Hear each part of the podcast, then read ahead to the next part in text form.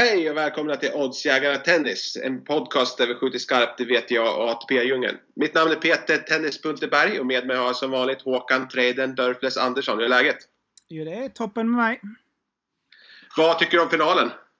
Eh, damerna eller herrarna, vilken ända ska vi börja Vi, i? bör, vi, börjar, vi börjar med herrfinalen. Ja, det var väl, eh, blev en väldigt spännande final där till slut efter att vara väldigt ensidig åt båda hållen. Men det blev fem set och Nadal som drog längsta strået. Ja. Det känner du säkert till. Nu har ju hela Twitter gått tokig och säger att det här var en helt fantastisk match. Eh, episk och eh, bland det bästa som någonsin har varit och så vidare. Och så vidare. Det är fantastiskt hur tennis kan vara. Det var liksom en boll. Eh, en, en boll där Nadal var väl kanske 90-procentig favorit. Mm. Om man slår in den där smashen vid 4-4 och breakboll i tredje set. Mm. Då, då är det helt plötsligt en rutinseger. Eh, alla säger gäsp. Eh, det, det liksom hände ingenting. Eh, det blev... Uh, Medvedev hade för svårt för Nadal, som vanligt. Mm. Istället så missar han den där smashen. Medvedev vinner set 3, set 4 eh, och det blir den här episka bataljen. Det är fantastiskt hur tennis, tennisens räknesystem, vilket, eh, eh, vilka matcher det kan ge. Ja, det var ju mycket blankgame Nadal.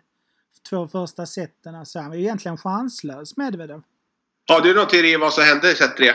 Varför, varför, varför, varför svänger matchen? Nej, jag tror det stavas Medvedev helt och hållet. Jag tror inte riktigt att det är Nadal som i alla fall inte är set 3 och 4 utan ehm, det är alltså en nivåhöjning från honom från ingenstans egentligen. Missar knappt någonting. Ja, nej. Ja, jag håller med. Han gör någonting där som det är svårt att se med blotta ögat. Eh, Men han, han, eh, han- han börjar spela lite bättre helt enkelt. Mm, ja, jag håller med. Och Svårare än så ser jag inte på matchens eh, varför det blev som det blev. Eh, Nadal, fantastiskt då. 19 Grand Slam-vinster nu totalt. Tror du att med, eh, Roger Federer drömde mardrömmar natten som gick? Ja, han, han känns ju kanske inte som den typen av person men innerst inne är det nog lite Det är klart att det betyder mycket för Ja. dem, men jag tror att de räknar ju såklart. Mm, jo men så är det ju. De är ju tävlingsmänniskor allihopa. Det här kommer ju leva med dem resten av deras liv, den som eh, slutar upp med mest Grand Slam-vinster Precis. såklart. Mm. Jag tror det betyder jättemycket för dem och och jag tror det blir lite, det är lite panik inom de båda. Eh, Nadal kände väl att hans kropp inte riktigt kanske eh, det är inte givet att han springer förbi. Alla säger att nu kommer Nadal, Nadal, Nadal springa förbi Federer men för mig känns det inte givet. Eh, Nej. Hans kropp kan gå sönder vilken dag som helst. Mm, det är väl kroppen Eh, emot. För att jag känner, jag känner ju kanske att eh, jag, jag håller med de flesta där att Nadal kommer att passera Federer men eh, det är klart skadebekymmer och skadehistoriken eh, kan man inte räkna bort det heller. Men eh, att han har två Grand Slams på Franska öppna det, det tror jag faktiskt han har att hämta. Det är möjligt. Det är möjligt. Ja, vi får se. Det, är spännande här i alla fall. Damfinalen. Var det Serena som chokade eller var det Bianca som var i zonen? Det brukar väl finnas två sidor på myntet, är det inte så man säger?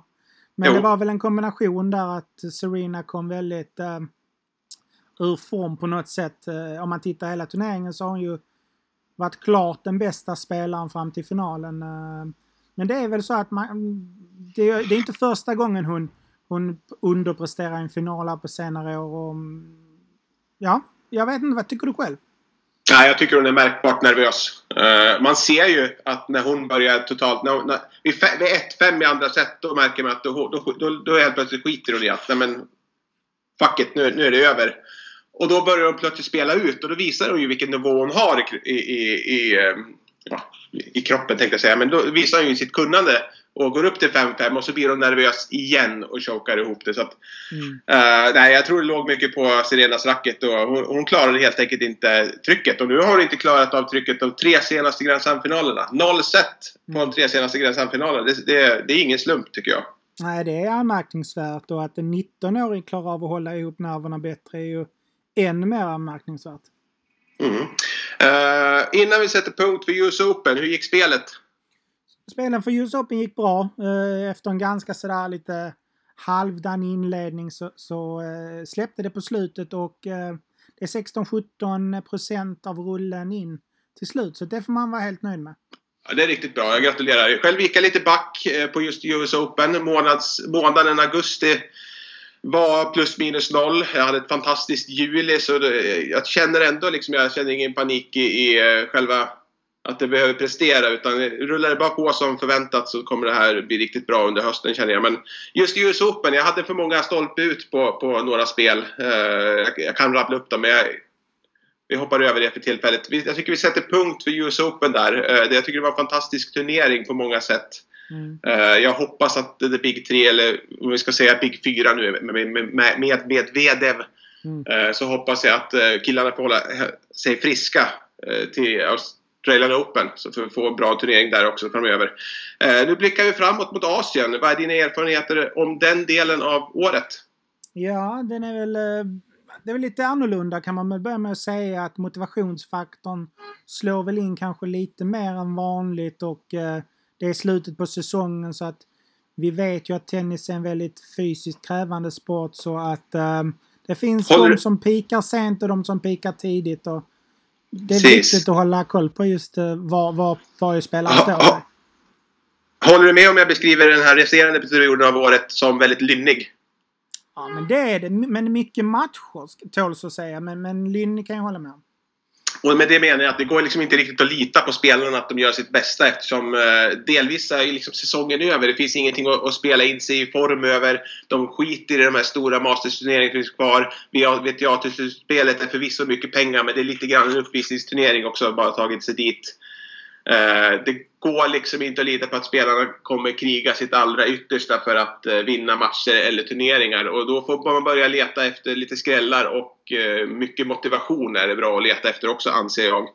Mm. Sen finns det de som inte håller med om det där med att, en, att spelarna inte bryr sig för den här mm. delen av året. Men det tycker jag man ser år efter år efter år att det, på vissa håll så är det mycket tennisturister som åker till Kina och Shanghai och Beijing och, och det, det, är mycket tennis-sightseeing där som man ser på Twitter och Instagram och, och, vissa insatser den här delen av året också har man sett genom åren att de är inte eh, tipptopp. Nej, men så är det. Jag spånar lite här på listorna också på kommande matcher. Man kan ju se att det är väldigt många spelare som behöver poäng, alltså som verkligen har chansen att slå sig in på liksom VTA-touren just här sent på året. Jag tänker en Paula Badosa till exempel som mest presterar på grus annars. Eh, kommer in här kan ett semifinal, kvartsfinalsresultat ger ju henne jättemycket poäng. Precis, det är en typisk sån spelare som, som är fortfarande, man nästan kan räkna kallt med att hon är hungrig. Ja. Eh, och så vidare. Sen har du de här spelarna som inte har presterat under året som har kommit tillbaka till skador och ofta försöker i de här turneringarna. Det kan man också. Lite grann som jag tänkte på eh, Angelique Kerber. Jag blev förvånad att hon tog en, eh, ett wildcard här till vilken turnering var det? Uh, till Chengzhou. Precis. Uh... I Kina. Eh, hon tog ett wildcard och mötte Alison Risk och då tänkte jag att då borde man kanske spela på henne men eh, jag vet inte om det är något värde till 1,60 mot eh, Alison Riske för att Kerber har ju verkligen inte rosat marknaden på sistone och hennes nivå har ju sjunkit markant också så jag vet inte riktigt. Hur tänker du på matchupen där med just Anneli Kerber? Om, om vi tar det här som en typisk match. Det är ett bra exempel faktiskt. Ja men det krävs ju en viss nivå för att slå Alison Risk, speciellt i Asien. Det är väl egentligen så jag ser på det att eh, vinner Cabo en sån här match och ser någorlunda bra ut så skulle hon ju så ska hon ju till, vinna denna turneringen ganska enkelt kan jag tycka. Men eh, det är ju många män på, på henne. För det är ju ingen, ja. det är inte bara att gå ut och ställa skorna mot risk liksom. Eh, och Anneli Kerber måste alltid kämpa för sina matcher. Mm. Eh, de hon vinner, men ja, inte de hon förlorar förstås. Men mm. Eh, ska hon vinna så måste hon alltid slita som ett djur för att hon har ju den spelstilen. Så att det är jobbigt för henne att, om, om hon börjar tappa lite grann och känner att hon måste ta ett wildcard till en sån här turnering. För det är, mm. den här skulle hon aldrig spela annars. har, har du något spel då? Om vi ska bjuda på det. Nej, jag har inget spel, men jag hörde att du hade något spel. Jag, jag har ett litet ett medelspel eh, på Sorana Sirstea. Att hon eh, ska ta set mot Soribes Tormo. Och det, där får man 1,50 ungefär. Mm. Uh, för att hon ska ta set där. Jag tycker att Sirstea med den form hon har visat på slutet och på hardcourt, uh, snabba hardcourten i Hiroshima. Mm. Tycker att uh, egentligen kanske till och med så ska vara favorit att vinna matchen men ja, det är lite mentala grejer med Sistea. Därför gillar jag att eh, plus ett och ett halvt set extra mycket. Mm. Så det kan jag rekommendera spel på. Den matchen spelas klockan 07.30 äh, i morgon bitti. Mm. Ja, det köper jag. 1,50 tycker jag från pinnen är... Ja, det är väldigt bra. Det är bra. Uh, jag tycker att vi avrundar det här avsnittet där och uh, hoppas att uh, ni hänger med oss under hösten här på Oddsjägarna Tennis. Vi har mycket nya nyheter som vi kommer breaka framöver och vi ska, tycker, tror vi ska ha lite roligt tillsammans. Mm, det hoppas vi allihopa att vi kan ha en gemensam. förhoppningsvis så kanske det blir något hög eller maxspel här framåt senare i veckan, vem vet? Ja, men det tror jag säkert vi kan hitta. Mm. Härligt! Tack så mycket och eh, ha det så bra Håkan! Och tack ni som har lyssnat!